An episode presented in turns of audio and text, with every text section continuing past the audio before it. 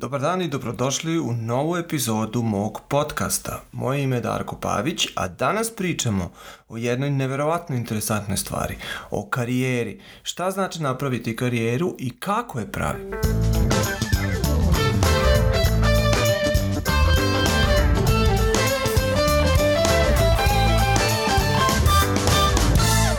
Dobar dan još jednom, ja sam Darko Pavić, suvlasnik sam dve kompanije, Service Plusa i Fiscal Solutionsa. U principu ponavljam u svakom podcastu, ali nema veze, čisto da znate. Oba dve kompanije su IT kompanije, uspešne i aktivne u 17 zemalja ovoga sveta i radimo sa najvećim trgovcima i softverašima sa planete. Mi smo ponosni na rezultate koje ostvarujemo i jako mi je drago da postoji ovaj podcast u, mog, u kom želim da vam prenesem neka od svojih znanja, iskustva, ideja, stavova i tako dalje. U današnjem podcastu ćemo pričati o jednoj temi koja je sigurno za svakog od nas vrlo interesantna. Radi se naime o karijeri. Kako je napraviti, šta moram da uradim u jednoj kompaniji da bi e, se pomerio u karijeri sa jedne e, lestvice na sledeću. Muzika Kad čovjek malo dublje razmisli o temi karijere, shvati da odgovor na pitanje šta je u principu karijera nije toliko jednostavan. Koga god pitate, on će vam dati druge odgovore. Za jednog je karijera konstantno povećanje plate, za nekog drugog je karijera ako postane šef određenog dodjeljenja ili šef određene kompanije, a neko treći smatra karijerom sticanje reputacije, na primjer na internacionalnom nivou.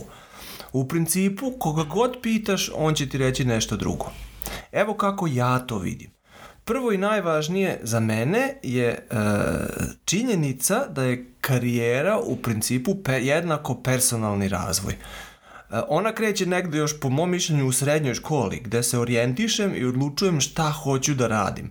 Polako postajem svestan onoga što volim, ono što bi želio da radim i pored škole počinjem da se bavim i ostalim stvarima, raznoraznim hobijima i tako dalje. Tu već počinje u principu fundament, odnosno tu gradim fundament svoje buduće karijere. Po završetku srednje škole Biram da li ću početi sa radom, naravno ako je srednja škola takva bila da sam izučio neki zanat ili stekao neko znanje, ili želim možda da studiram. Taj sledeći korak, na primjer studiranje, mi je svakako sledeća lestvica u mom personalnom razvoju, odnosno mojoj karijeri. Kroz studij postajem zreliji, učim nove stvari, stičem određenu osnovicu u smislu znanja za dalje i postajem naravno stručan u nečemu. Ja se razvijam. Nakon fakulteta, ako ne idem dalje na usavršavanje, na primjer magistarske ili doktorske e, studije, počinjem da radim u nekoj kompaniji. E, za puno ljudi ovaj korak, odnosno taj korak se smatra za početkom karijere.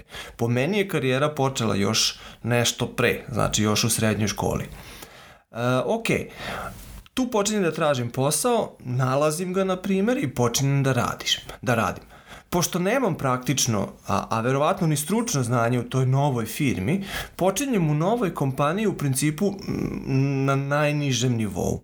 To je čak i tada ako već imam iskustva iz drugih kompanija. Ja svejedno u toj novoj kompaniji moram da naučim kako funkcioniše ta nova kompanija, odnosno koje primenjeno znanje mi u toj novoj kompaniji potrebno.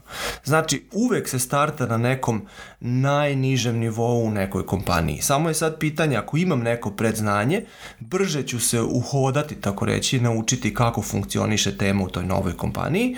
ako tek prvi put u životu počinjem da radim, onda će mi naravno trebati nešto više vremena da bih shvatio kako to sve funkcioniše i koji su sledeći koraci.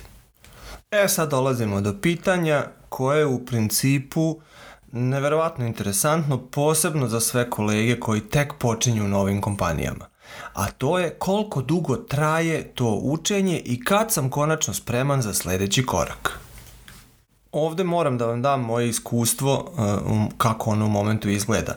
Primećuje se da su mlađe generacije neverovatno nestrpljive one žele od početka da dobiju konkretan plan gde piše nakon 3 meseca ćeš moći to i to, nakon 6 meseci ćeš moći to i to, nakon 9 to i to, nakon 12 to i to.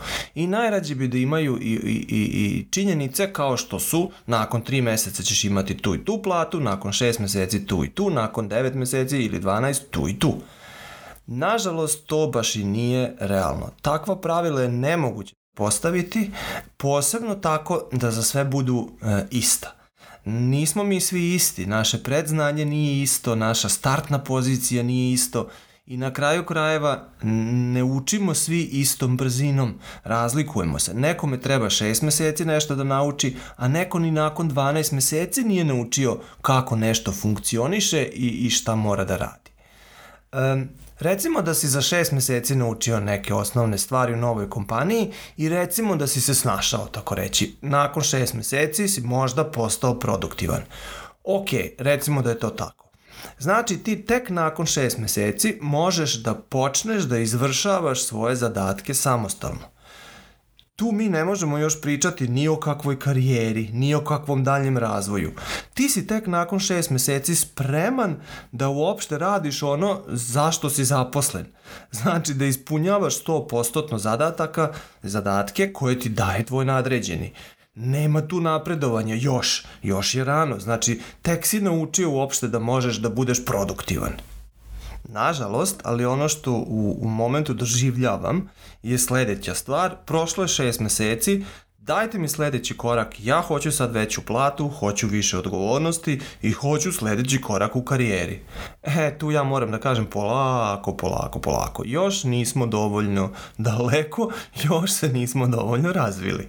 U nadolazećem periodu, znači nakon tih prvih recimo šest meseci u kojima si se snalazio, tako reći, je jako važno da shvatiš koji su okviri tvojih zadataka.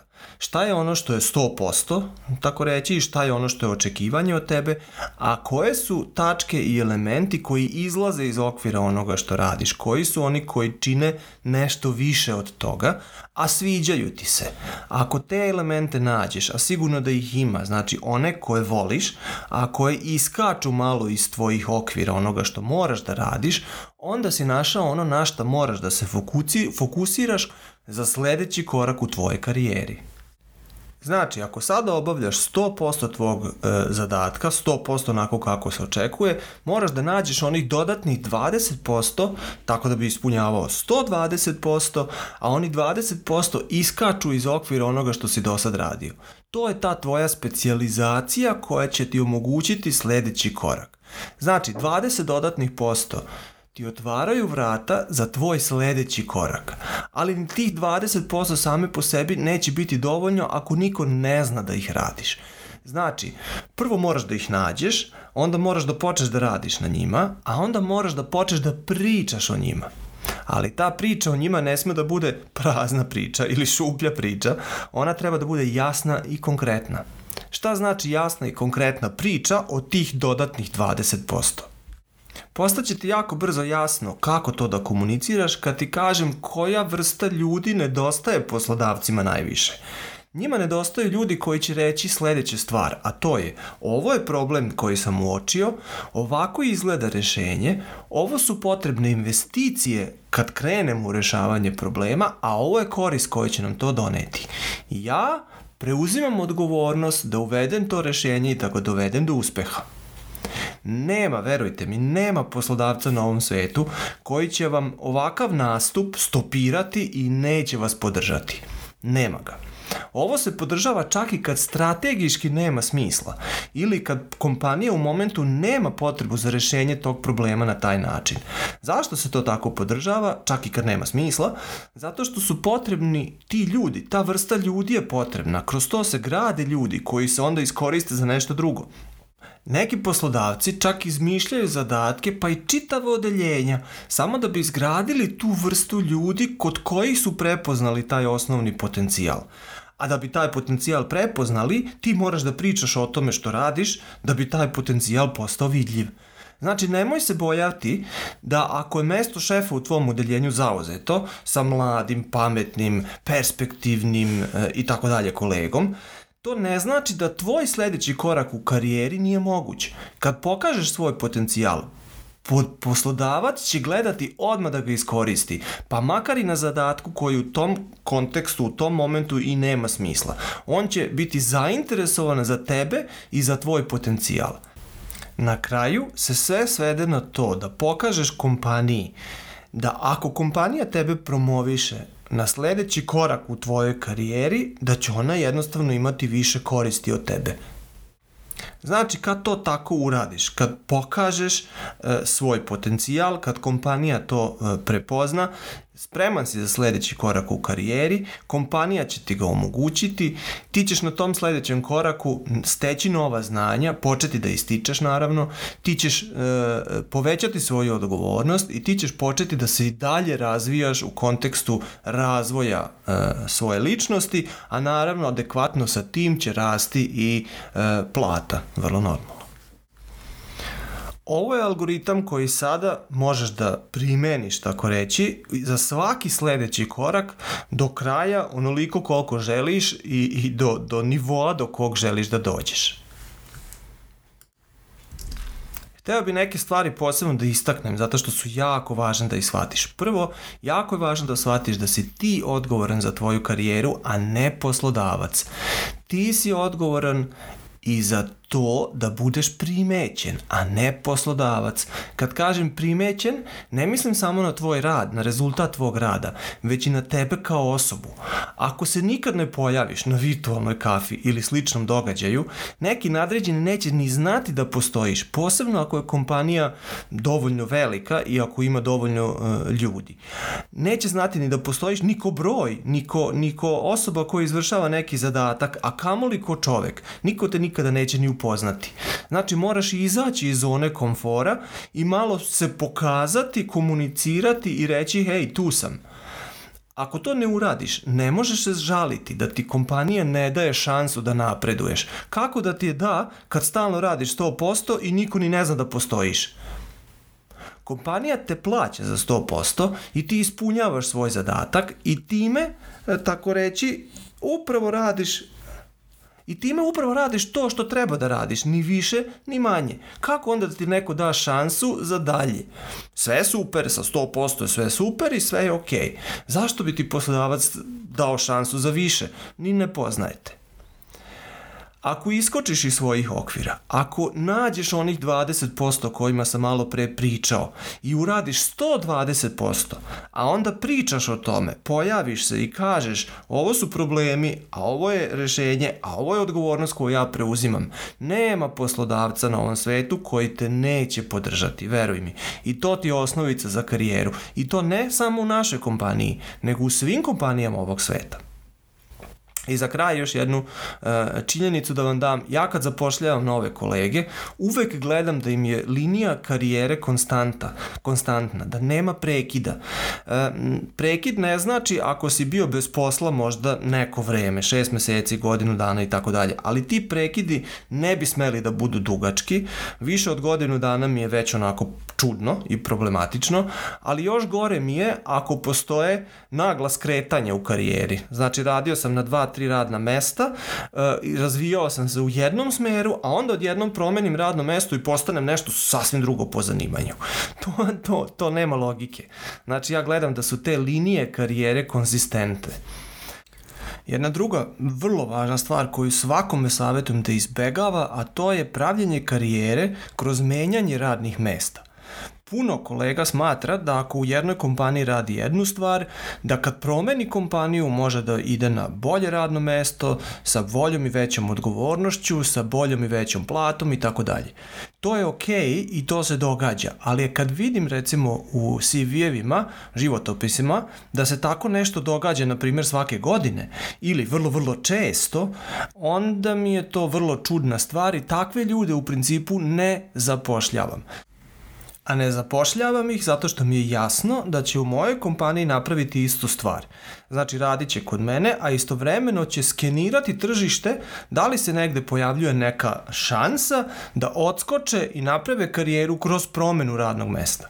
E sad, možete zamisliti koliko kompaniju košta oni šest meseci o kojima sam pričao, na primer, e, da obuči nekog i da ga dovede do toga da bude produktivan. Znači, takvi ljudi su meni jednostavno suviše velik rizik, odnosno veliki problem u smislu moguće investicija koja će onda propasti. Bilo mi jako drago da smo danas pričali o ovoj temi. Ona je često neizrečena i posebno kod novih i mladih kolega nekako, nekako uvek tu postoji neka tenzija u smislu kako ću napredovati, kad ću napredovati, koliko mi vremena treba. Tu uvek postoji neko nestrpljenje da li ću trebati 100 godina ili 150 godina. Nije tako strašno, može daleko brže, ali je to u tvojim rukama. Bilo mi jako drago da smo se družili u ovoj epizodi podcasta. Nadam se da ćete biti sa mnom i u sledećem podcastu i pozdravljam vas iz Hamburga.